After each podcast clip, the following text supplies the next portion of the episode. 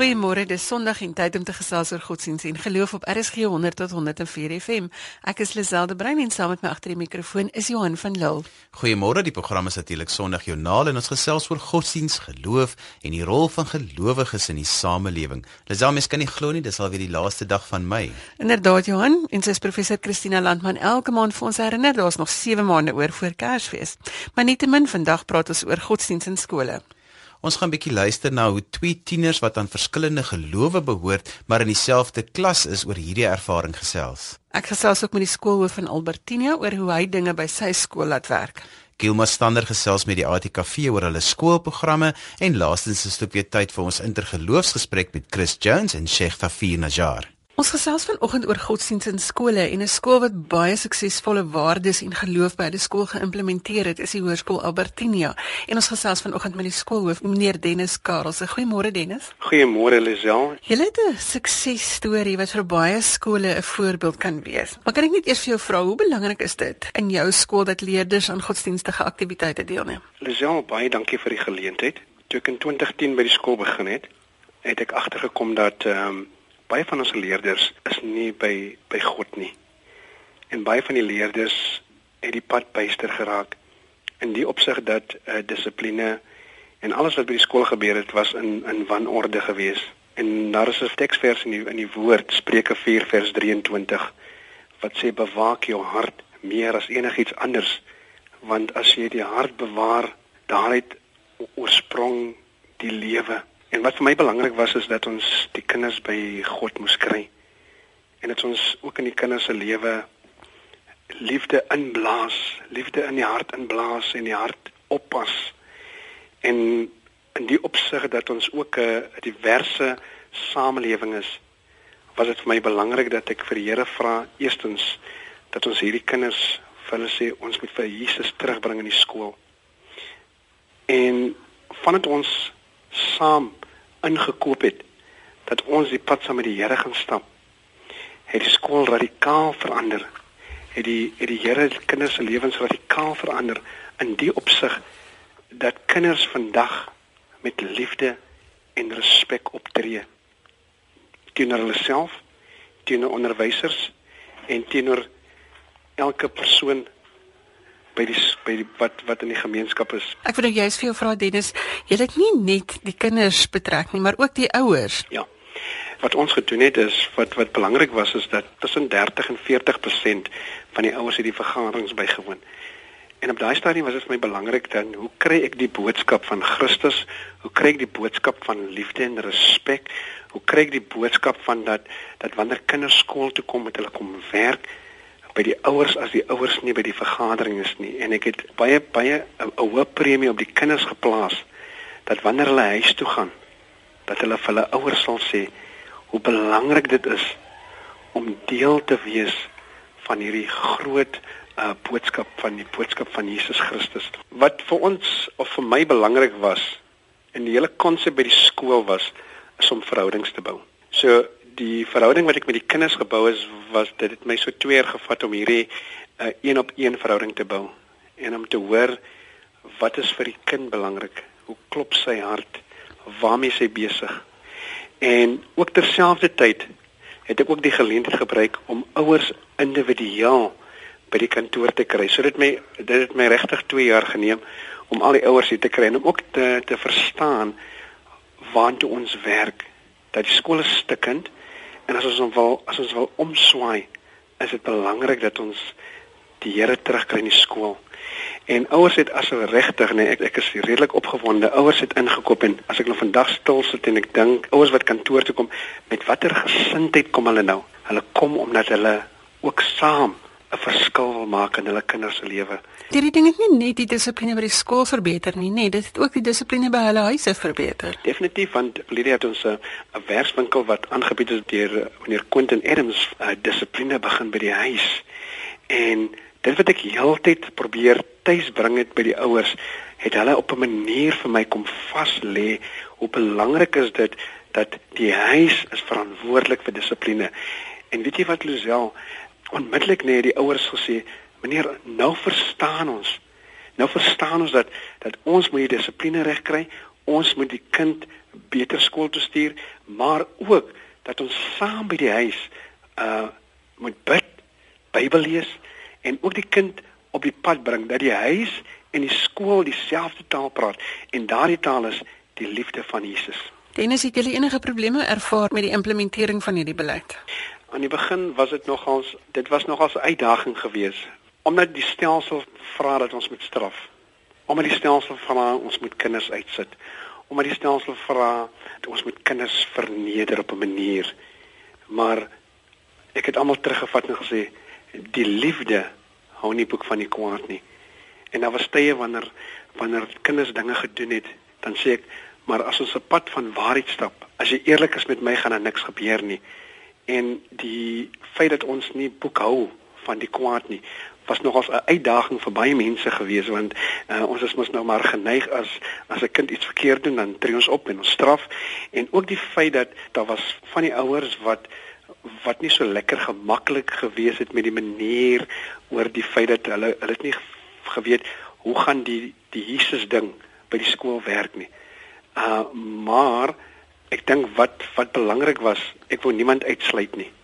So ek het vir jou geleentheid gegee om om met met te praat om of met te sê meneer, dit is hoe ons dit by die huis doen, meneer, dit is hoe ons dit by die kerk doen, dit is hoe ons dit daar by die huis doen of waar ook al.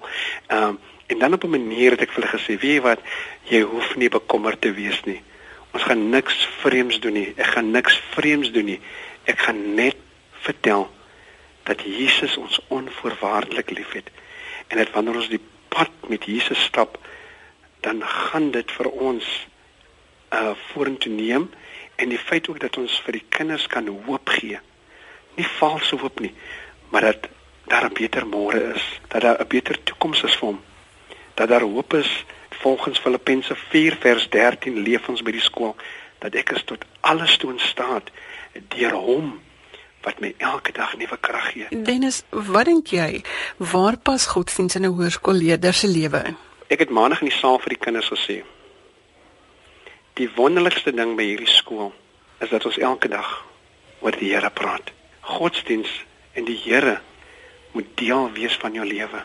So ek sê altyd vir hulle en ek sê dit vir die personeel ook dat wanneer jy daar in die klas is en jy jy kry geleentheid net om net om stil te word. Uh want ons tema vir 2015 is dankbaarheid. Dat jy net sal bid en vir Here sê dankie. Ek sê baie keer as jy dalk die enigste Bybel wat mense sien en hulle lees jy op daai oomblik. Maar as as ons net tyd koppel aan hom, dan beteken dit jy leef 'n ander lewe, 'n ander as 'n ander sy van jou. Jy het 'n dubbele lewe.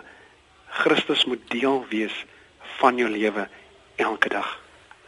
Dankie Dennis dat jy vanoggend julle suksesverhaal met ons gedeel het, ook dat jy gele deurgedruk het dat dit lank gevat het 2 jaar, maar dat die hele skool en dat die hele gemeenskap as gevolg daarvan omgedraai het. Dankie dat jy jou storie vertel het. Baie dankie Liesel en baie mooi dag vir julle.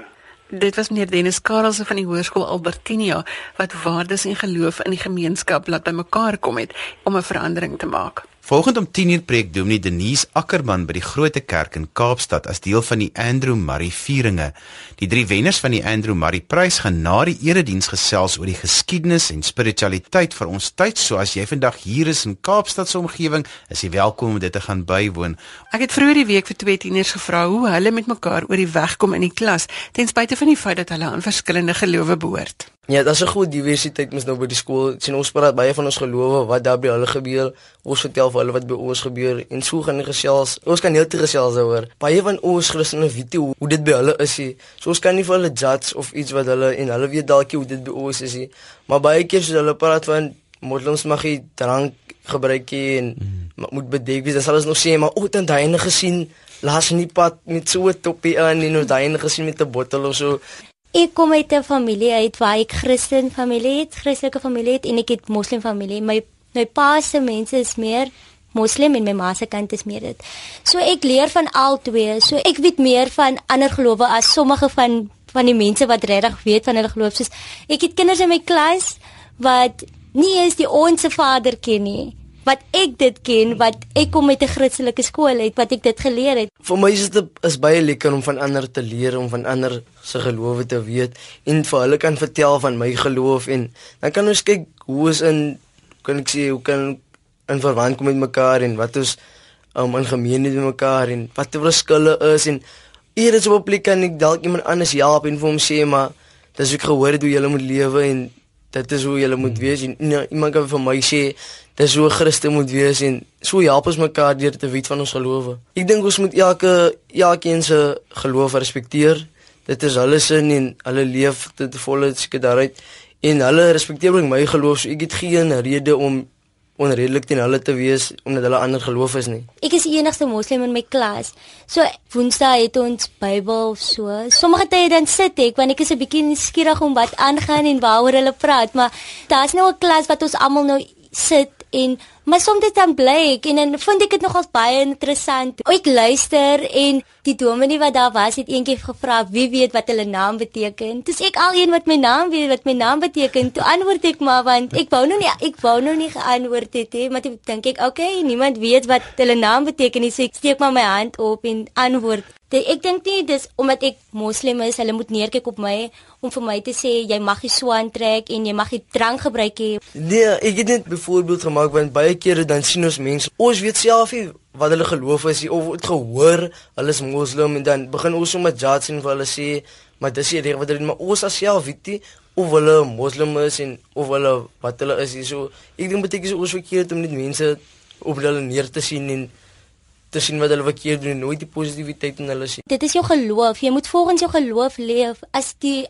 as ons Bybel vir ons sê, die vrou moet bedek word. Ek dink oor algemeen moet 'n vrou vaar bedek. Ek dink jy sy moet vaar loop en blootstel aan die hele wêreld deur wat wat jy het is joune en jy en jy bedek dit met wat jy wat jy kan. Ons as Christene moet self as die moslems respekteer met wat hulle het en hulle moet ingerig in daai toeval ook vir ons respekteer met wat ons maar ons is ons onafhanklik. Ons dra wat ons wat ons kan of wat jy het want jy kan nie as jy kerk toe gaan baie jy het die omstandighede wat om mooi hemde en goed aan te trek nie.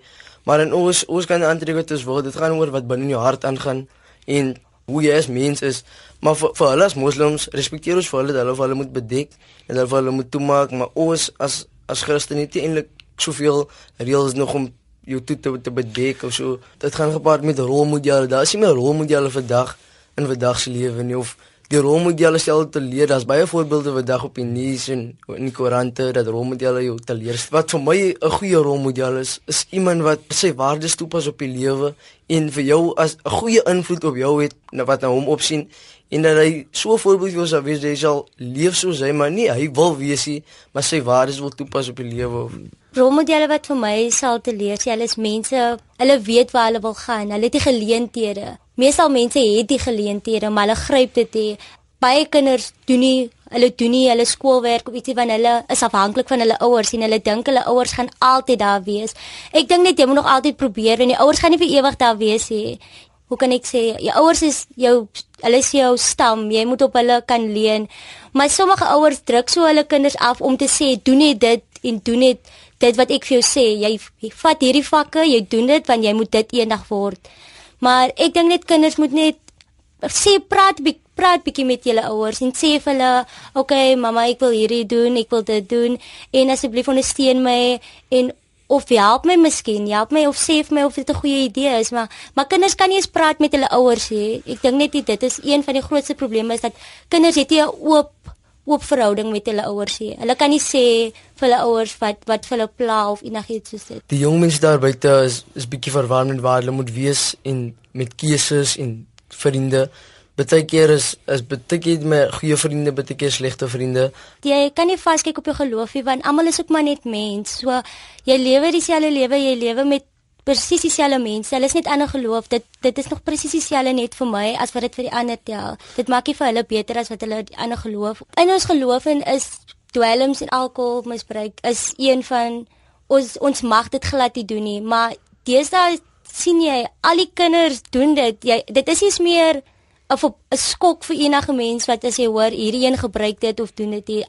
Almal doen dit en dit is nie meer 'n skande in die gemeenskap as jy hoor hierdie een doen dit of hierdie een doen dit nie, maar die feit is dat dit is maklik bekombaar in ons in ons gemeenskap. Die goed wat jy kan kry wat onwettig is, is nie ver weg van jou af. Dit is in jou gemeenskap en die ouens wat dit vir jou gee, hulle worry nie van dis vir hulle besigheid en nou jy kry met onwettige goed by hulle en Jy kry mense op die dorp wat jy nooit sou verwag het dit sou doen nie, maar net om in te wees en om belang om gesien te wees, probeer almal dit en almal eksperimenteer dit. En dalk is dit verkeerde vriende wat 'n invloed op jou het, maar jy het self 'n keuse, jy is jong mens wat jy wil doen en wat reg en wat verkeerd is. Ek dink sê sê jy gebruik dwelms en dit is deel van die persoonlikheid. Jy word as mens afgekraak en so gaan jy jou klere dra of wat gaan ook agteruit. En as jy met positiewe dinge besig is, gaan jy as mens ook self groei en beter aantrek en jou persoonlikheid uitstraal na buite deur hoe jy lyk en hoe jy optree teen ander mense en hoe jy net aantrek as jouself. Ons ding bietjie anders as die ander as ouer mense. Ek dink hulle sien meer, hulle weet van die geskiedenis en hulle weet tradisie of wat is weet hulle meer. Maar ons wat nou opkom, ons sien nou wat gebeur binne ons kan ek sê binne ons tydperk sien ons wat ons gebeur en ons ervaar en groei en dinge wat nou gebeur en nie wat daai ons weet nie wat daai tyd toe hulle gelewe het wat daai tyd gebeur het of so nie. So ja, ek dink ons dink bietjie anders as die ouer mense wat van wat. Ja, ek stem saam want ouers sê gewoonlik hulle was nie blootgestel aan wat ons nou blootgestel is nie. Ons is meer blootgestel aan hierdie goed. Ek dink dit is hoekom ouers nie met hulle kinders praat daaroor nie. Is omdat hulle was nie daaroor aangespreek toe hulle kind was nie. En dit is hoekom? Hulle nie saam met hulle kinders wil praat daaroor en ek dink net nie sommige ouers is nog altyd streng op sekere kinders op jou ouderdom moenie sekere goed weet nie. Maar die kinders is deesdae te blootgestel aan hierdie dinge. So jy moet maar seker maar praat met die kinders oor hierdie goed maar sekere dinge leer die skool jou wat jy en jy moet jou ouers moet dit vir jou leer. Ek wil vandag aan die jong mense sê bly positief skakel die negatiewe dinge uit hou moed en doen alles tot die beste van jou vermoë Ek wil net aan al die tieners, jong mense daar buite sê, kies jou vriende reg, weet waantoe jy wil gaan. Jy is gemaak om uit te staan. Hoekom probeer inpas? Jy luister na RSG in die programme Sondagjoernaal. Indien jy nou eers ingeskakel het en van ons vorige insette vanoggend gemis het, onthou jy kan weer na Sondagjoernaal luister as 'n potgooi. Al wat jy moet doen is jy gaan net na RSG se webwerf by rsg.co.za. Kyk maar net uit vir die potgooi opsie. Gilma Stander is volgende aan die woord en sy gesels met Melvina Hun oor die ATKV se werk in skole. Die ATKV vier hierdie jaar sy 85ste bestaan en dien nog steeds die gemeenskap. En dit is my heerlik om vir Melvina Mason Hun by ons te verwelkom. Jy is die projekorganiseerder van die afdeling onderwys in die Wes-Kaap. Baie dankie Gilma. Julle is so besig in die skole. Wat behels julle projekte alles? Gilma, weet jy ons is ontsettend besig veral hier in die Weskaap waar ek werk. Ons het 1000 skole strategie wat ons begin het 'n rukkie gelede waar ons 1000 skole wil bereik. En ons het verskillende programme wat ons in die skole doen om die omstandighede in skole veral die lae slagsyfer en die swak prestasies wat jy kry in skole om dit te verbeter. Ons wil ook graag 'n ondersteunende rol speel in skole en ook in die departement van onderwys. Ons wil nie hulle werk oorneem nie, maar ons wil sê hier is ons as privaat organisasie, as privaat instansie en ons wil graag 'n deel doen. Ons sê onderwys is ons almal se verantwoordelikheid en nie net die regering se nie. Maar wat is die hoekstene waarop julle hierdie bouwerk in die skole aanpak? Weet jy, vir ons is die Afrikaanse taal, die uitbou van ons taal, is dit is vir ons baie belangrik, ook dat ons Afrikaanse kultuurtuiste skep en dat dit relevant en geloofwaardig is, dat ons ontwikkelingsgerig en opleidingsgerig is, dat ons goeie netwerke vestig en bou om inklusief te wees en om dinamies te wees en ook die waardes van die ATKV, die handelsmerk wil ons ontgin. Dit is ons hoekstene en dan in spesifiek in die onderwys.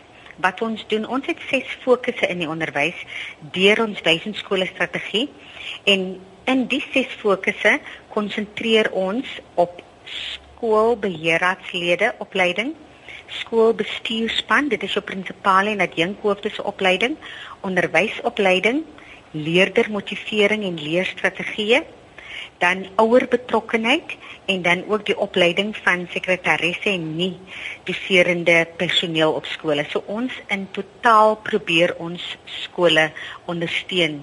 Wat 'n rol speel geloof in dit alles? Ja, Gilma, Die ATKV, soos jy seker bewus is, is 'n Christelike Bybelse organisasie.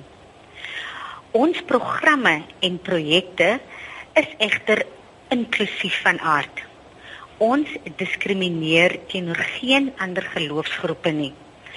Alhoewel ons 'n Christelike Bybelse organisasie is, dit gaan in die onderwysafdeling by ons daaroor dat ons meehelp en die beheer en bestuurstelsels van skole wil verbeter ten einde gehalte onderwys te verseker. Dit werk, het ons gesien dit werk baie goed in die praktyk.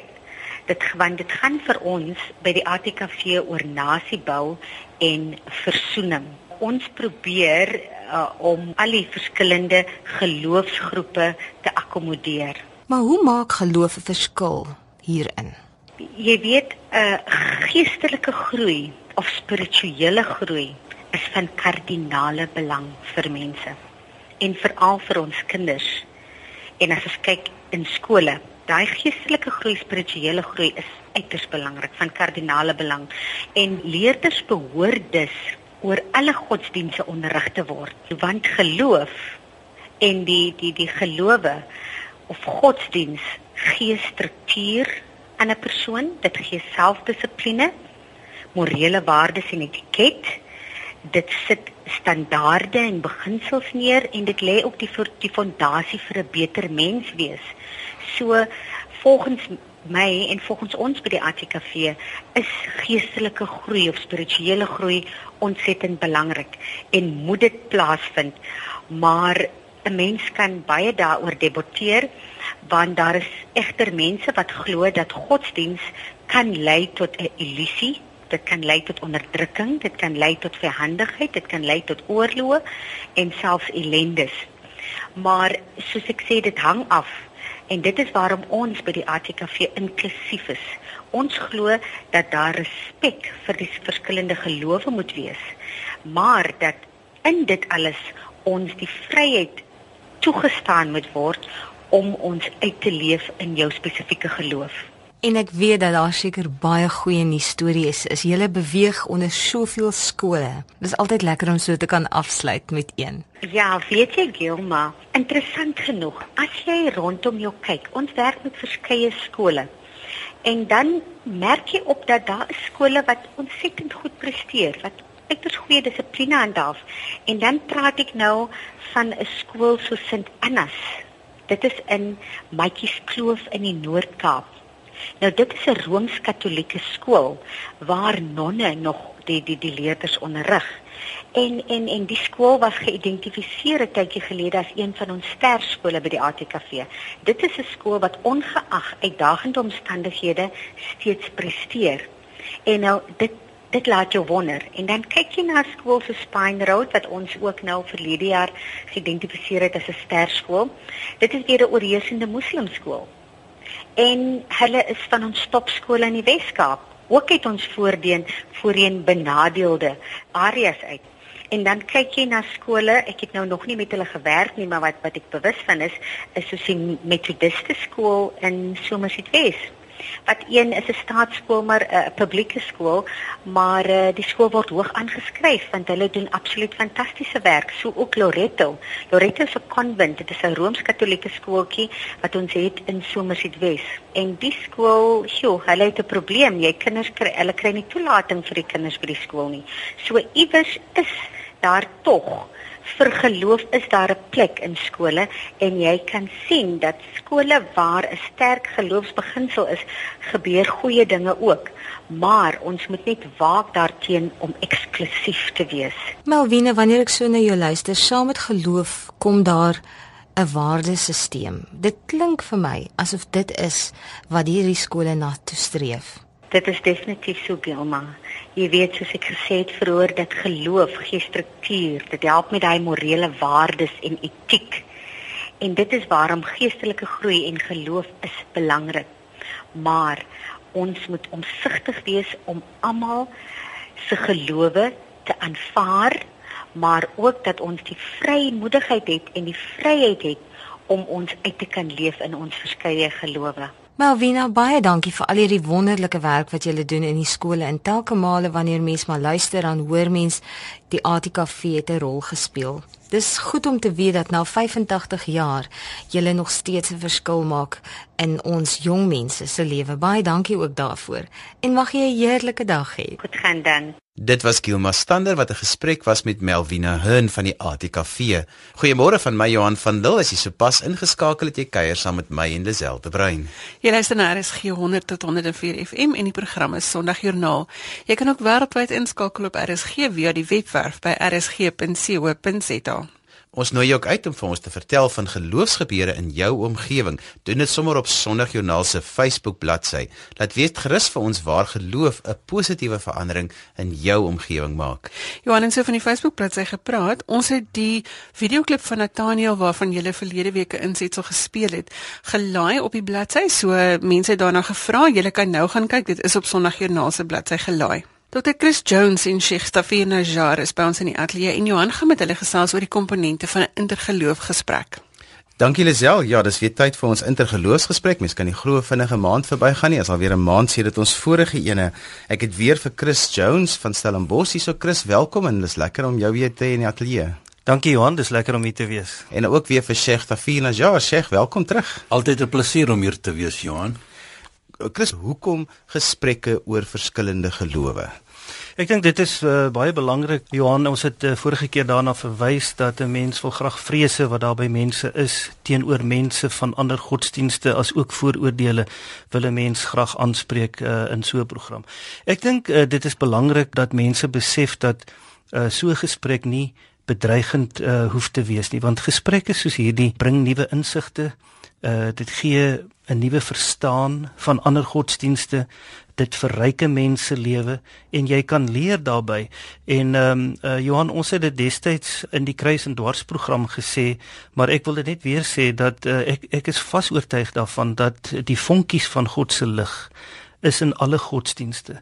So in so 'n gesprek leer jy ook meer van God.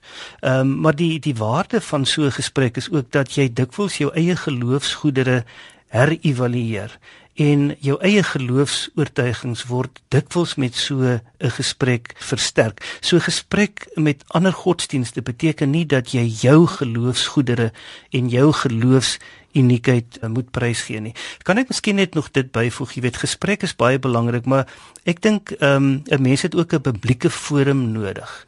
Ehm um, soos byvoorbeeld RSG en 'n mens is baie dankbaar vir RSG dat ons so 'n gesprek kan voer oor die radio.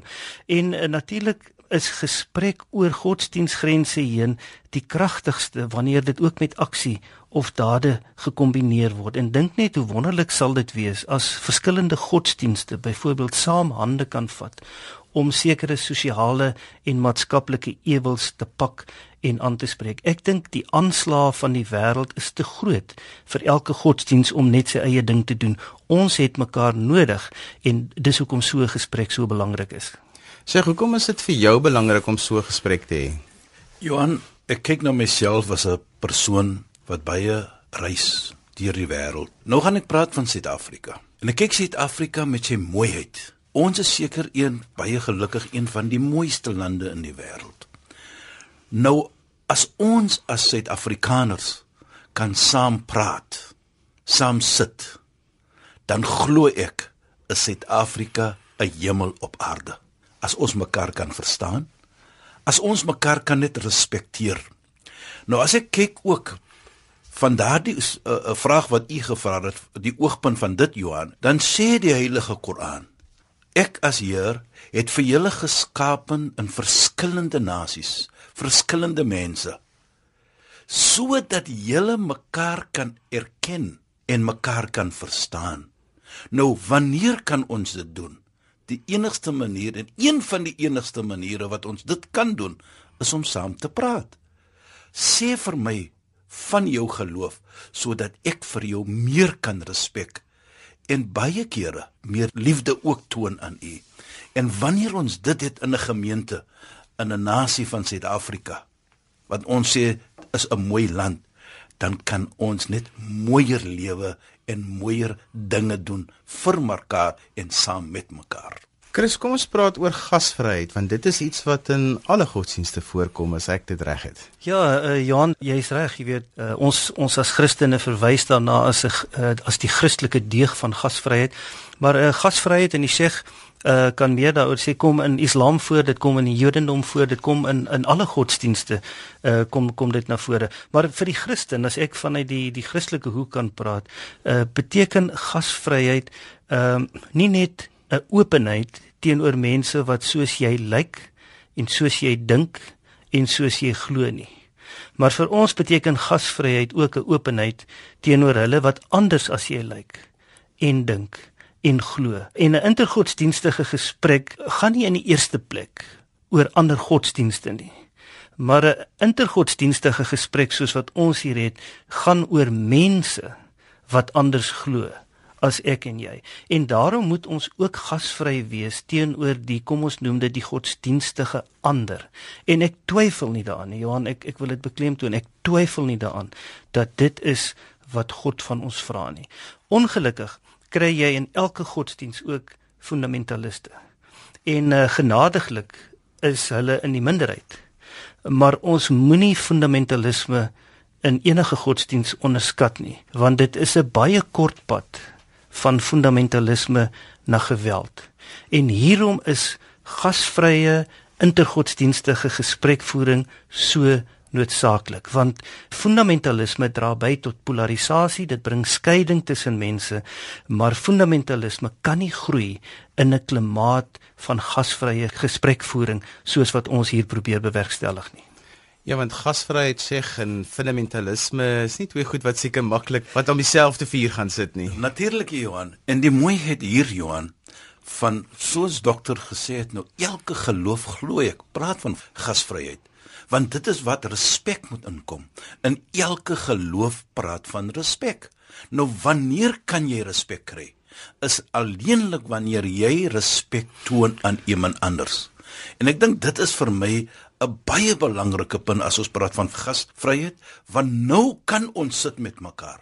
Nou kan ons sien dat jy behoort aan 'n geloof wat ek moet respekteer. Jy weet wat so mooi is vir my ook hier uh, Johan, die dag wat ons nou sê die dag van Arafah wat wat ons bedoel die pelgrimsdag. Hy staan en hy sê dat elke persoon is dieselfde. Dit maak nie saak watter kleur jy is nie.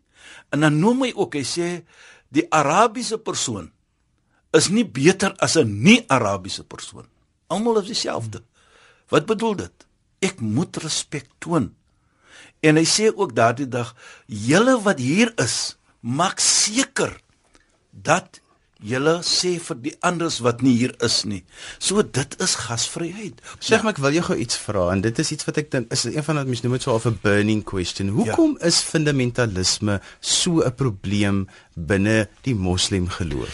Jy weet Johan, die die, die probleem wat ons hier kry is soos dokter gesê het, die meerderheid, hulle kry nie daai coverage media coverage wat hulle moet kry nie, maar hierdie terrorisme, hulle kry die media coverage. Hoekom is dit dan nou so? Hmm. Dit is wat ek maar uh, ek, ek dink baie kere the media must be more kind to ons tipe thinking. En ook baie belangrik Johan, wat ek glo. As ons praat van geloof, dan praat ons ook 'n mens wat volg 'n geloof. En daar is regulasies. Daar is rules and regulations binne in daardie geloof om mens beter te maak, nie om mens af te druk nie. So as ons volg daardie rules and regulations, dan is dit maar net om 'n mens beter. Wat bedoel? Mens gaan swak wees. Daar gaan foutjies wees. Maar die foutjies moet reg gemaak word deur om te volg wat die geloof sê. Chris, kom ons terug by die elemente van so 'n intergeloofsgesprek. Wil jy bietjie aansluit by die Sheikh en om net so terugtrek daarna toe? Ja. Ek uh, ek dink dit is baie belangrik uh, wat die Sheikh sê. Ons het nou gesê die pad van fundamentalisme na geweld is is baie kort en en baie keer kry jy fundamentalisme en terrorisme Sheikh ja. uh, waarna jy verwys het en uh, die interessante Johannes dat ek dink dat hierdie soort um, veral uh, terrorisme wat aan godsdiens gekoppel word dit kan nooit uh, in 'n gewone demokrasie eintlik uh, 'n plek inneem nie en vorder nie. So uh, hierdie mense is gewoonlik gewelddadig. Hulle is hulle is 'n kleiner groep, maar dit vestig die aandag op hulle, nê. En dit ja. uh, uh, dit dit maak hulle soort van van bekend. Ehm um, ek wil net ook iets sê wat ek en die Sheikh nou voor ons ingekom het na die ateljee oorgesels het is dat ehm um, die uitspraak ook van die paus wat gesê het ja. dat ehm um, die Koran is 'n profetiese boek van vrede. En die Sheikh kan meer daaroor sê maar vrede lê eintlik in die hart van ehm um, van die Islam geloof maar dit is baie keer die fundamentaliste die ekstremiste ehm um, wat in die naam van Islam hierdie verskriklike goed doen terwyl hulle dit veroordeel nee Sheikh. Ek presies nee ons veroordeel dit. Hoeveel keer het ons dit gedoen ja. dokter? We totally condemn it. Is not a religion. Is not Islam. Hmm. want soos u sê Islam is gebaseer en die Pope het dit gesê ook die Koran en Islam is 'n geloof van vrede, van peace en dit is wat ons dit moet lewe. Maar Sheikh, ek weet daar's nou al baie keer wat mense die Bybel gebruik en haal hulle hom ons nou aan soos hulle dit hulle pas. Uh, presies, dit is dieselfde probleem met die Koran. Dit is presies wat jy sê Johan. Dit is presies wat hier gebeur. They justify the act. En natuurlik, as ons kyk, as ons jy weet ek vat altyd die groet. As ek groet 'n persoon, sê ek assalamu alaykum. 'n Vrede op jou en die genade van die Almagtige. Nou as ek eene so groet en ek ek ek en ek moet leef dit want dit is 'n vorm van gebed en ek doen dit nie dan is ek mos wat ons sê 'n hipokrit, verraaier. Want ek praat met die tong en ek sê nie wat in my hart is dan nie. So dit is die beginsel van Islam. Die beginsel is vrede. So hoe kan ek en in in baie belangrik Johan. Ek dink wat enige geloof doen. As 'n persoon 'n foutjie begaan of iets verkeerd doen, moet ek probeer as 'n moslim en ek is seker Dr. Chris as 'n Christene, na probeer ons daardie persoon help. En dit is 'n belangrike punt, want die profeet sê elke mens gaan 'n foutjie maak.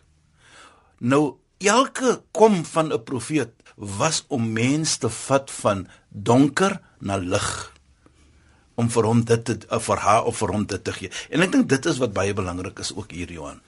Christus tyd is alweer verby, so sluit gou vir ons die gesprek so 'n bietjie af met so 'n laaste paar verwysings na beginsels van so 'n geloofsgesprek. Ek dink uh, ons moet nooit vergeet dat ehm um, God alomteenwoordig is nie. En ek is absoluut oortuig daarvan dat God ook in hierdie soort gesprekke uh teenwoordig is. Die Sheikh het nou 'n paar keer verwys ook in vorige programme na respek. Ehm um, maar maar as ons glo dat God alomteenwoordig is, as ons glo dat God hierdie toneel voorberei het voordat ons nog hier was, dan beteken dit dat ons as gespreksgenote ook vir mekaar uh moet moet respekteer. Uh ons moet eintlik by wyse van spreuke ons skoene uittrek want ons is op heilige grond. Ons is in God se teenwoordigheid. Um, ons moet eintlik vir onsself in die ander persoon se skoene probeer plaas. Leef jou in in sy of haar lewe en omstandighede en probeer die taal van sy of haar hart verstaan. En ek weet dit vra baie liefde en verdraagsaamheid, maar dit is regtig moontlik. En as ek dalk net 'n laaste uh, gedagte kan noem, ek dink in sulke gesprekke een van die belangrikste beginsels is om beleefd te wees en beskeie te wees. Jy weet daar uh, arrogansie laat enige gesprek onmiddellik sneuwel as jy uit die hoogte af praat op mense, as jy dink jy weet beter as ander. Dis alwaar vir ons tyd het Chris baie dankie. Baie dankie Johan. En dan Sheikh Safinas ja, dankie Sheikh. Altyd 'n plesier om hier te wees Johan. Dankie vir u en vir luisteraars. daarmee het tyd geword om te groet. Geniet die week wat voorlê. Ek gesels so teen 05:30 se kant weer onderwys sake en hierdie week praat ons 'n bietjie oor geskiedenis wat moontlik 'n verpligte vak op skool kan word en ek praat met Isaac Langeveld en Bridget Tobin. Tot dan van my Johan van Lille. Totsiens. Namens produksieregisseur Neil Roo agter die kontroles en dan ook van my Liselde Brein groet ons. Tot volgende week. Totsiens.